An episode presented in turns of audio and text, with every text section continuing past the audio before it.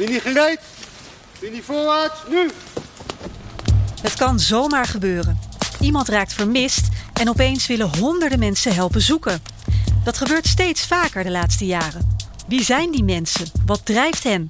Wat levert het op? En wat zijn de dilemma's? Dit is de Academie. Politiewerk in perspectief. Met Nina van den Dungen. Waar ik over politiewerk praat met politiemensen zelf en met wetenschappers van de Politieacademie. Daar is onderzoek gedaan naar wat de gevolgen zijn als gewone mensen willen helpen bij een vermissing. En je hoort iemand van de politie die fulltime bezig is met vermiste mensen. Maar eerst naar die meezoekers. Het beeld dat je daar misschien van hebt, is dat het gaat om groepjes ongeorganiseerde amateurs die op goed geluk door een stuk bos banjeren. Sensatiezoekers misschien wel. Maar zo is dat nu in ieder geval niet meer. Allemaal bij het pad halt houden, linie herstellen dan. Neem bijvoorbeeld het veteranen search team. Dat zoekt met bijna militaire precisie naar vermiste mensen. In 2021 gemiddeld al meer dan één keer per week. Verslaggever Hajo Magré keek bij zo'n zoektocht over hun schouder mee. Op een parkeerplaats aan de rand van een bos in Waalre sta ik. Ik ben net achter Rob Adink aangestuurd. Die eh, is de leider van dit search team dat hier zo meteen het bos in gaat. En bij hem mag ik even vragen of ik mee kan. Kijken hoe dat gaat als er gezocht wordt naar een vermist persoon. Uh, zwarte fiets, zwarte rugzak.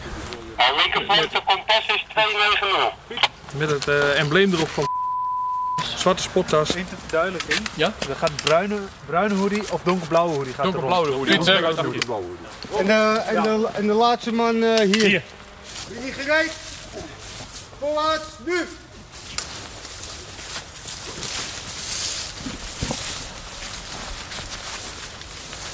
Kun je mij ondertussen uitleggen waar we naar op zoek zijn of stoor ik je dan? We zijn op zoek naar een jonge man, zeg maar. Die, uh, ja, die zich hier waarschijnlijk in het bos uh, verstopt heeft. En, En kijk af en toe er is wel actie bij, eh, en omhoog. bij nodig zeg maar, om hem te vinden nu. Zeg maar. Dus uh, ja, we gaan zo snel mogelijk proberen het bos uit te komen aan deze kant. Een willekeurige zaterdagmiddag in november. Ergens tussen Waalre en Eindhoven. Een groep van zo'n 20 veteranen doorzoekt het bos. Ze zijn afgekomen op een oproep in hun gezamenlijke app. Zo'n 2000 leden telt de stichting inmiddels. Allemaal vrijwilligers.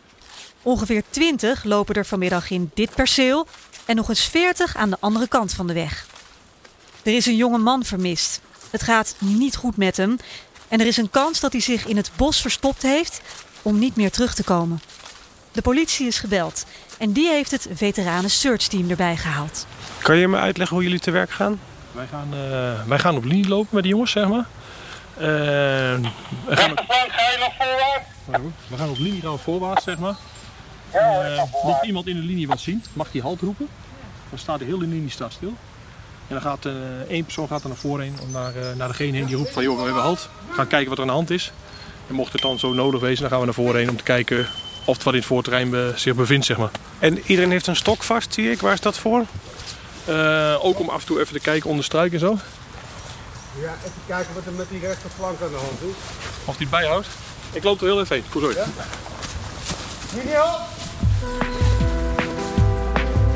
Het Veteranen Search Team is een van de organisaties waar de politie mee samenwerkt. Ze lijken haast het verlengde van de politie. Ze werken elke week samen, ze trainen samen en ze hebben aan twee woorden genoeg. Zo ziet Isanne de Wit van de politie het graag. Zij is landelijk coördinator vermiste personen. Een paar dagen na de zoekactie in Waalre ging Hajo Magré bij haar langs. In een regenachtig en winderig Almere. Nou hoor ik er niet heel vaak uh, iets van, hè, van vermiste personen. Dat komt helemaal niet zo vaak voor, toch? Nou, het zijn er ongeveer 40.000 op jaarbasis waarvan we een melding krijgen. Dus het komt wel heel veel voor. En wij als politie worden er ook heel veel mee geconfronteerd. Waarom werkt de politie bij vermissingen samen met burgers? Daar zijn jullie toch voor opgeleid? Je moet het zo zien dat een vermissingsmelding, daarbij zijn we als politie altijd, werken we samen met burgers, omdat burgers die zoeken ook naar hun geliefde. Dus we moeten altijd rekening mee houden dat ons opsporingsonderzoek tegelijkertijd loopt met ja, familieleden die ook op zoek gaan. Dus voor ons is het heel normaal om in dit werkveld samen te werken met burgers. En je moet het ook zo zien dat het een vermissing is van ons allemaal. Wij Nederlanders zijn iemand kwijt. Maar levert dat de politie ook iets op? Zitten er ook nog voordelen aan of is het meer, nou ja, ze komen toch wel? Nee, het levert zeker wat op. Uh, je kunt heel gericht nu zoeken naar vermiste personen. Waar wij de capaciteit ook gewoon niet voor hebben. Wij kunnen niet hele pelotons ME oproepen om door bossen heen te speuren uh, op zoek naar. Um, en die mogelijkheid hebben we dus nu wel. Dus wij voldoen eigenlijk daarmee ook weer aan een vraag die in de, in de maatschappij heel erg leeft. Om, dat wel, om daar wel op in te zetten. Die massale zoektochten naar vermisten, hè, dat is al een, een, aantal keer gebeurd. Waarom is er juist na Anne Faber zoveel onderzoek naar gedaan? Ik denk dat het daar, met dat onderzoek kwam het echt heel duidelijk naar voren... dat we een, toch een structuur nodig hebben om mensen um, gericht gecoördineerd in te kunnen zetten. Wij zagen namelijk bij de zaak Anne Faber dat er ook mensen op afkwamen die eigenlijk niet goed wisten waar ze aan begonnen tijdens de zoektocht. En dat ook heel erg spannend vonden. En wij willen toch dat dat gestructureerd loopt. En maar dat ook mensen die meedoen aan een zoektocht weten waaraan ze beginnen. En wat ze zouden, eventueel zouden kunnen aantreffen. Kan je daar eens een voorbeeld van geven? Wat voor mensen kwamen daar dan naartoe waarvan je dacht... Hmm. Ik kan me nog heel goed herinneren dat er een filmpje was van een, uh, een modevlogster. En uh, die vond het allemaal heel spannend. En dat vlogde ze ook. Dat ze ging meezoeken naar Anne en uh, wat het haar deed. En wat het haar. Ja, en dan komt er toch informatie van het onderzoek, omdat ze daar te plaatsen is. Komt er toch op straat op een manier waar, waar wij niet uh, blij van, van worden. We willen ook dat mensen zich gericht op de zoekactie houden en niet de aandacht op zichzelf uh, vestigen. Nou, die rechterflank in de gaten, hè, dat je niet te snel loopt. Wil je niet herstellen? Wil je niet voorwaarts? Nu! Wat moest je nou doen op de rechterflank? Uh, even, even de commando's nog even een keer weer uitleggen. Zeg maar. Nee, hij had een uh, slecht contact met deze kant, dus uh, even hersteld. Dat is wel belangrijk. En we hadden het over de stokken. De stokken, oh ja, de stokken gebruiken ze voor als ze plekken hebben zoals uh, bramenstruik of zo. Om er even onder te kijken, bossages, dat soort dingen. Dat we ook niks met onze handen aanraken. Ja, en als er brandnetels zijn of bramenstruik, dan lopen jullie als het goed is gewoon doorheen. Ja, ja wij gaan gewoon door. We, na die tijd kijken we wel, anders we, kunnen we thuis niet vertellen waar die, die strepen van komen. maar heel mooi! Misschien kan je je nog herinneren dat er met man en macht naar Anne Faber werd gezocht in 2017. Daar speelde de familie van Anne een belangrijke rol in. Jeroen Lam, onderzoeker bij de politieacademie, deed er onderzoek naar en schreef mee aan het boek Schouder aan Schouder: Burger- en politieparticipatie tijdens de vermissing van Anne Faber. Hayo Magé zocht hem op onder de rook van Schiphol in Uithoorn. De reden dat we onderzoek hebben gedaan naar de zaak Anne Faber is, is dat we eigenlijk de afgelopen jaren hebben gezien dat burgers steeds vaker en actiever in actie komen bij een vermissing. En bij Anne Faber was heel duidelijk zichtbaar dat er sprake was van een hele sterke familie. Ja, die zichzelf heel goed georganiseerd had en heel goed zelf eigenlijk een zoektocht organiseerde. Ja, en dat had ook heel duidelijk gevolgen voor hoe de politie haar werk ging doen en moest doen. En wij hebben gekeken wat we daarvan konden leren voor eigenlijk toekomstige uh, vermissingszaken. Uit het onderzoek kwam naar voren dat de politie tegen een aantal dilemma's aanliep bij deze vermissing. Eén daarvan was dat de familie heel snel begon met zoeken naar Anne. Sneller dan de politie. Maar wie daar nou eigenlijk de leiding bij had, was aan het begin onduidelijk. Ja, de familie die verwachtte heel duidelijk van de politie eigenlijk ja, dat de politie de regie zou pakken over het zoeken en veel meer structuur en richting zou geven over, of aan het zoeken. Uh, terwijl de politie op dat moment eigenlijk insteek had van ja, wij zijn ondersteunend aan jullie zoekactie. En we kijken mee en we helpen wel, maar in principe ligt het initiatief bij jullie. En dat is gaandeweg het onderzoek wel veranderd. Maar dat geeft toch onduidelijkheid in de startfase.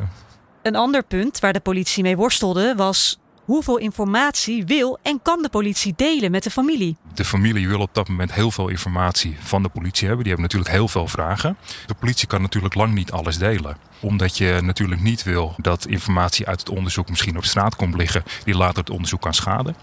Het kan voorkomen dat mensen misschien gaan zoeken op plekken waar je eigenlijk nog niet wil dat burgers gaan zoeken, omdat ze mogelijk sporen kunnen vernietigen. Ja, en het is natuurlijk een beetje negatief en pessimistisch, maar het zou eventueel ook kunnen dat een, uh, een dader zich onder de groep met zoekers begint, of misschien wel binnen de kring van de familie. En ook de druk vanuit de media vormt een dilemma. De eerste oproep van de vriend van Anne wordt vrijwel meteen 135.000 keer gedeeld op sociale media. Vanaf dat moment kijkt bijna de hele wereld mee met wat er in deze zaak gebeurt. Alles wat de politie doet, komt direct onder een vergrootglas te liggen. En dan is er nog iets, zegt Jeroen. Het lastige bij vermissingszaken is dat het ene slachtoffer is het andere niet en de ene zaak is de andere niet. Uh, je ziet dat sommige zaken die leiden tot heel veel aandacht. Die leiden tot heel veel inzet van, van burgers. Terwijl andere zaken eigenlijk relatief ongemerkt voorbij gaan.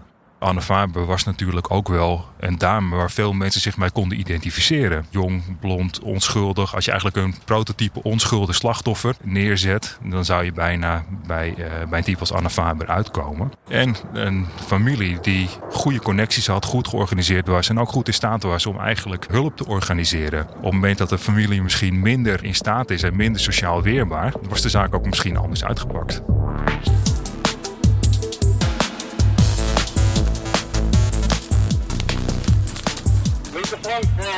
Jij ook aan het markeren?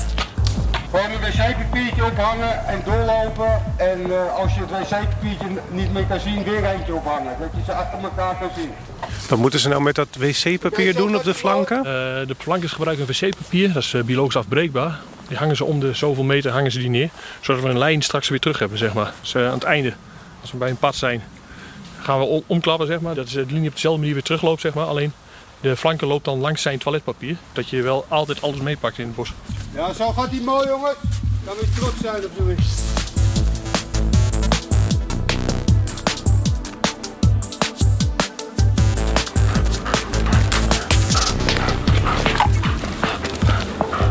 Dit is het geheig van Jill. Jill werkt voor de politie als plaatsdelicthond. En dat doet ze onder leiding van haar baasje en politieman Roy van de Zilver. Goed zo, kom maar. Aan de dijk net buiten Lelystad praat Hajo ook met Roy over de dilemma's waar de politie tegenaan loopt als gewone mensen komen helpen bij vermissingen. Hij is nog steeds verbaasd over wat hij zelf op dat vlak heeft meegemaakt. Maar eerst laat Roy zien wat hij samen met Jill precies kan.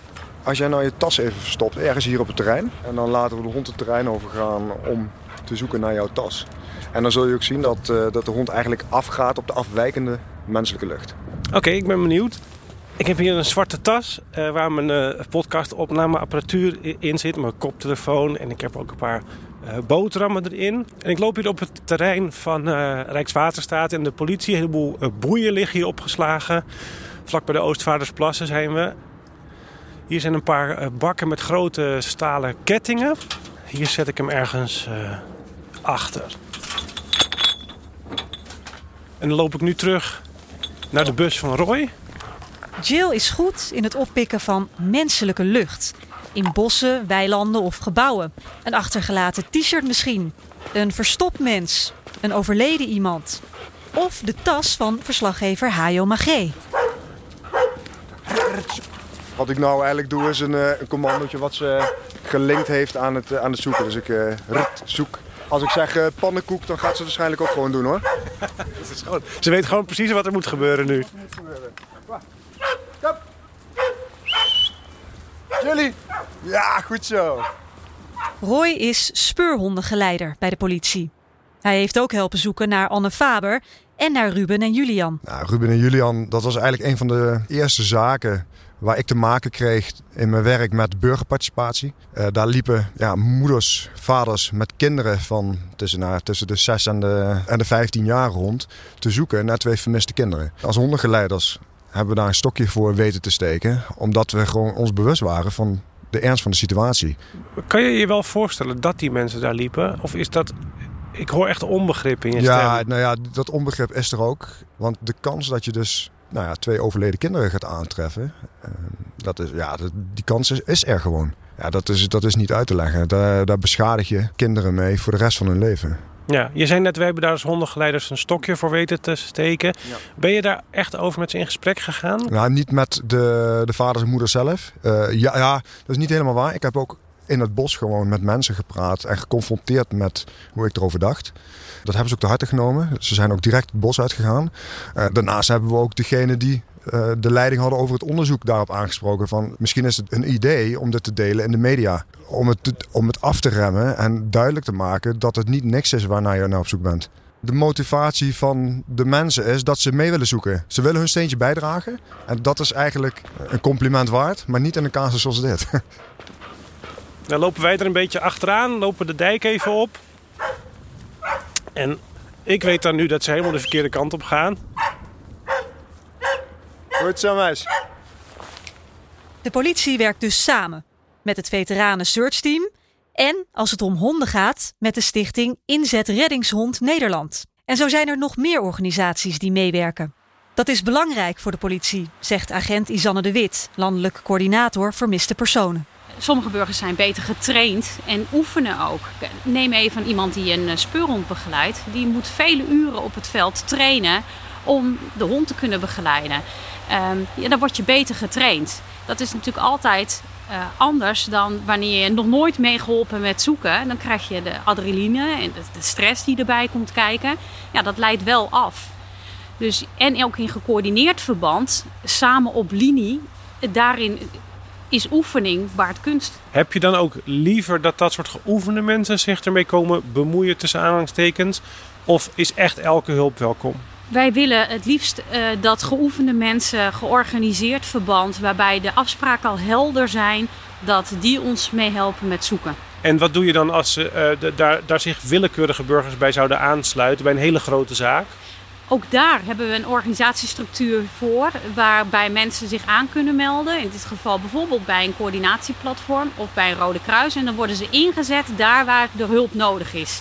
Wellicht niet in de frontlinie, maar misschien wel uh, op een plek bij een, een, een hek. In ieder geval uh, dat ze mee kunnen helpen met de zoekactie. En dat ze ook geregistreerd staan, zodat we weten dat ze mee willen helpen. Precies, of ze gaan soep koken. Of... Ja, uh, inderdaad. Wat het zo sterk maakt, en dat is bijvoorbeeld bij het veteranen ook, dat elke hulp, of je nou in de frontlinie staat of op de achtergrond de ondersteuning verricht, alles is nodig om het goed te laten verlopen. Ja, het is net honden uitlaten met de handen in de zakken. Maar... En dit is dan jouw werk? Dat is mijn werk, ja. ja. Roy werkt al zijn hele leven met honden. Zoals Jill nu zoekt naar de tas van Hayo Magé, zo zoeken ze samen ook regelmatig in grote gebieden naar vermiste mensen. En wat kan de hond dan wat jij niet kan? Nou, de hond kan meters maken. Die maakt natuurlijk gebruik van zijn neus op een hele andere manier dan wij doen. Uh, die kan zulke grote slagen maken. Dan ga ik een, een beetje flauwe vraag stellen. M mijn buurman heeft ook een hond. Ja. Die kan niet wat jouw hond kan. Wat maakt jouw hond anders? Ja, dat is een goede vraag. Uh, in principe is de neus hetzelfde. Alleen we hebben de hond getraind op het vinden van vermiste personen. En daar hebben we een beloning aan gekoppeld. En in principe kan de hond van de buurman dat ook leren. En dat gebeurt ook. Behalve fulltime speurhonden zoals Jill, heb je ook een heleboel vrijwillige speurhonden in Nederland. Veel van hun baasjes zijn lid van de stichting Inzet Reddingshond Nederland. Die zijn in 2017 opgericht in samenwerking met de landelijke eenheid, met de speur- en specialistische dieren. En dat zijn een hele club vrijwilligers die gecertificeerd zijn met hun hond, met hun reddingshond. En die ingezet kunnen worden voor de politie. Wat kunnen die vrijwilligers dan wat de politie niet zelf kan? Het mooie is dat we het wel zelf kunnen. Alleen soms komen we capaciteit tekort. Of is het gebied dusdanig groot dat we gaan opschalen. En kunnen we gebruik maken van de Stichting Inzet Reddingshonden Nederland. En kunnen zij vrijwilligers leveren ter plaatse. Roy is vanuit de politie contactpersoon voor de Reddingshondenstichting. We hebben vier keer per jaar een gezamenlijke oefendag. Waarbij we gezamenlijk optrekken in het zoeken naar een vermist persoon. Of we gaan het hebben over plaatsdelict. Het kan zo, zo, zomaar zijn dat een uh, vermissing een plaatsdelict uh, wordt. Is het wel een goed idee om mensen die dus niet bij de politie werken en niet die volledige opleiding hebben gehad, om die wel politietaken te laten uitvoeren? Nou, ik, ik zou hem niet zo zwart-wit weg willen zetten dat het politietaken zijn. Uh, het is een stukje hulpverlening.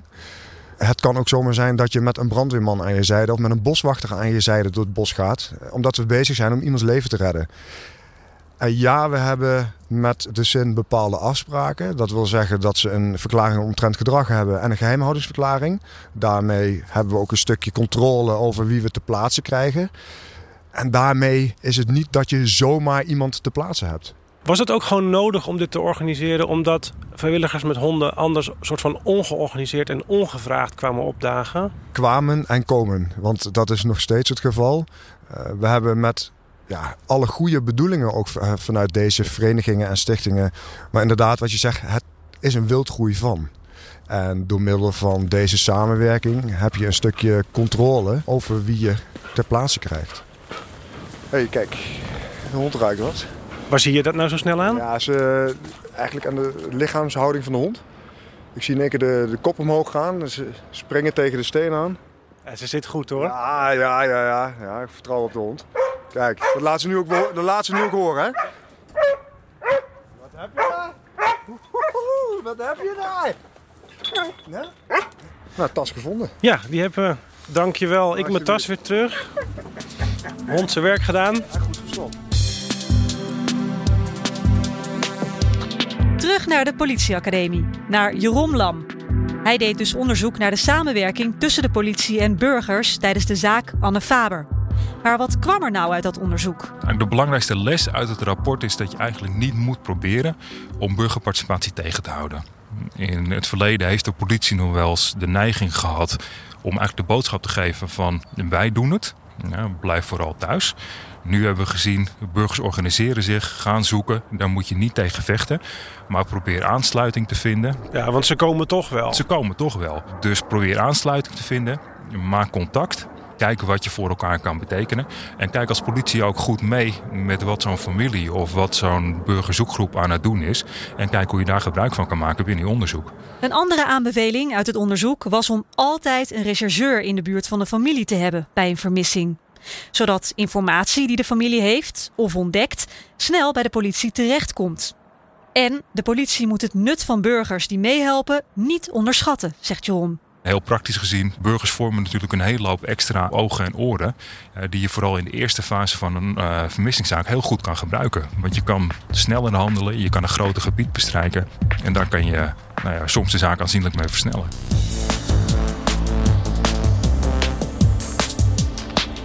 Ga maar voorwaarts gewoon. Rechterflank. Een beetje doorlopen alsjeblieft. Ik kan me ook voorstellen dat je eigenlijk heel vaak niks vindt. Of niemand vindt.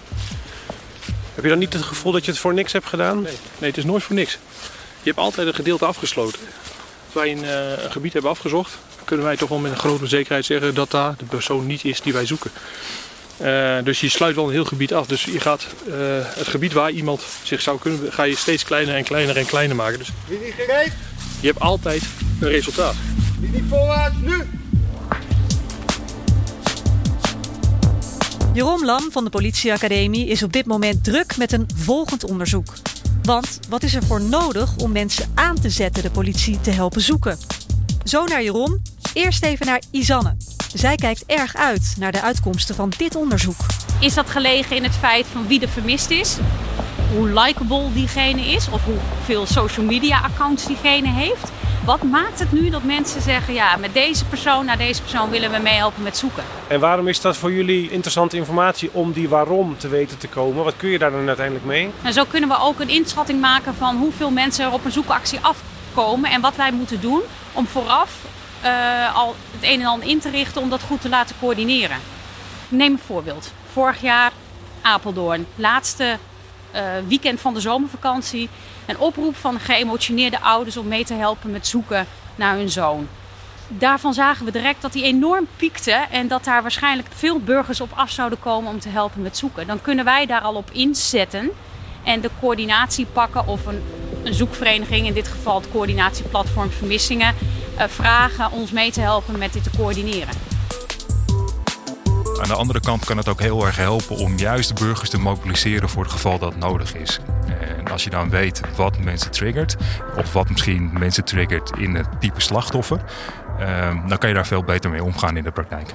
En in welke fase is dat onderzoek nu? Weet je al iets of moet je nog helemaal beginnen? Nee, dat onderzoek dat hebben we eigenlijk nu in concept klaar. En dat zal de komende maand uh, gaan beginnen met de dataverzameling. En dan, uh, dan kunnen we daar echt pas wat over zeggen. En hoe gaat die dataverzameling in zijn werk? Ik las iets over een panel.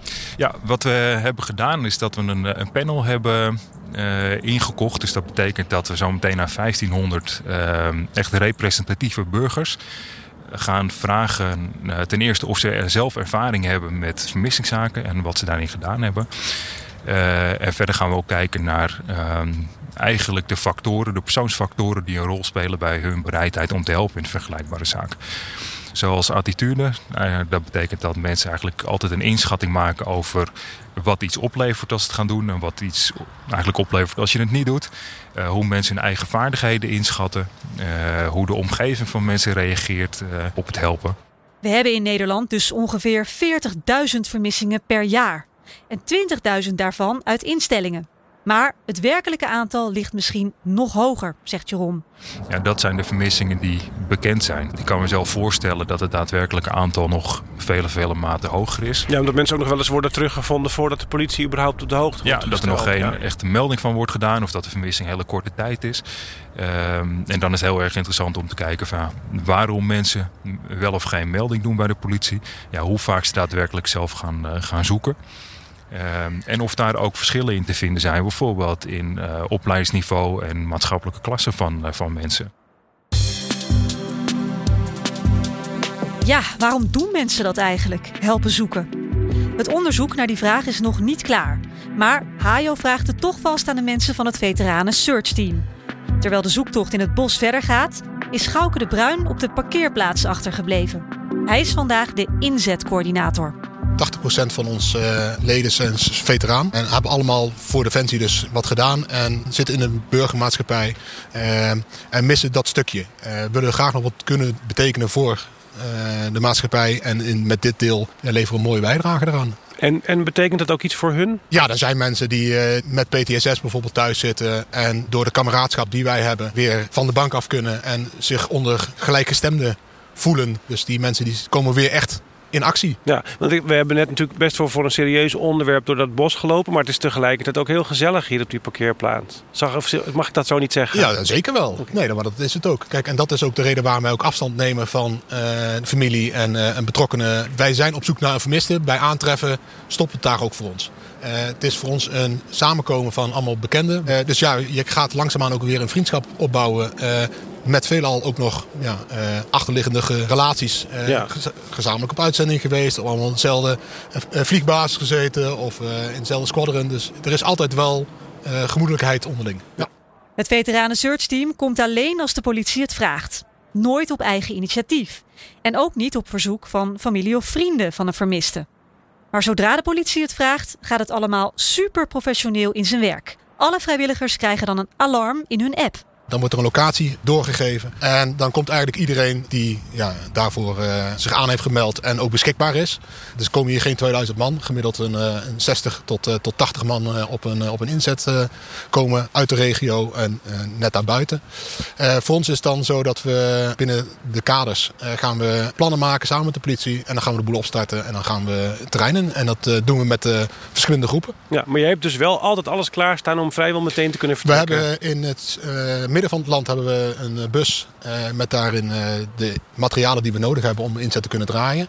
En die begint te rijden al voor het alarm eruit gaat. En wat zit er in die bus dan? We hebben daar uh, communicatiemiddelen in zitten. We hebben daar eten, drinken in zitten. We hebben hesjes erin zitten, stokken. In principe zodat we een vijftal groepen direct het veld in kunnen brengen. En voordat je mee mag op een zoektocht, moet je als veteraan ook eerst een speciale training hebben gedaan. Zodat je alle procedures kent, niet in de weg loopt en geen bewijsmateriaal kunt vertrappen. Jullie vinden wel eens iemand, hè? Soms levend, maar soms ook overleden. Um, hoe zorgen jullie voor de mensen die zo'n lichaam aantreffen? Vooraf geven we aan wat we gaan doen. Dus de casus wordt aangegeven. En als daarbij de vermoeden is dat meneer of mevrouw niet meer leeft, wordt dat er vooraf ook gedeeld.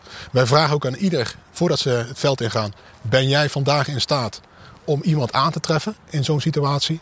Uh, dan kijken wij ook even iemand goed in de ogen. En als wij zelf al denken, dat gaat hem niet worden, dan mag je voor ons niet meelopen. Wellicht dat je iets anders binnen, binnen de stichting op dat moment kan doen. En degene die eventueel een vermiste aantreft, wordt volgens een speciaal protocol gedebriefd en in de periode daarna extra in de gaten gehouden. Linie halt! Terug. Ja?